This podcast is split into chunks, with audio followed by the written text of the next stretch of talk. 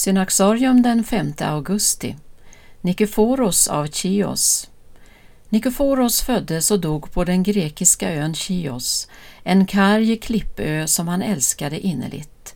Som barn blev han svårt sjuk och hans föräldrar lovade i bön att om deras son tillfrisknade skulle de låta honom tjäna Herren i det närbelägna klostret. De höll sitt löfte och när han tillfrisknat lät de sonen få sin fostran där. Nikeforos läste så småningom på öns ortodoxa prästseminarium, vigdes till diakon och blev sedan själv lärare på seminariet.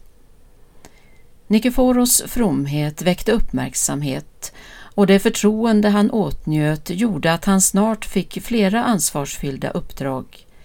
Det visade sig dock att han inte var lämpad för byråkrati eller för att administrera och leda stora organisationer. Oförmögen att hantera kyrkligt skvaller och intriger lämnade han dessa arbetsuppgifter och tog sin tillflykt till ett eremitage i närheten av en kyrka i staden Resta på ön. Här ägnade han sig åt bön, studier och arbete med liturgin. Vid sidan om detta var naturen hans stora kärlek. Han engagerade sig i jordbruket på ön och slet gärna själv hårt ute på fälten. Särskilt träden låg honom varmt om hjärtat.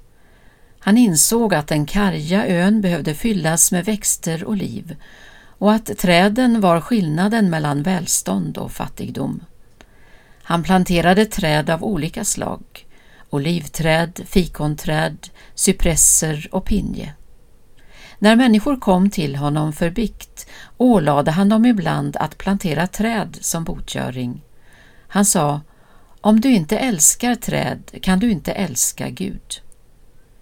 Nikeforos dog på sin älskade ö sommaren 1821 och begravdes i kyrkan invid eremitaget i Resta.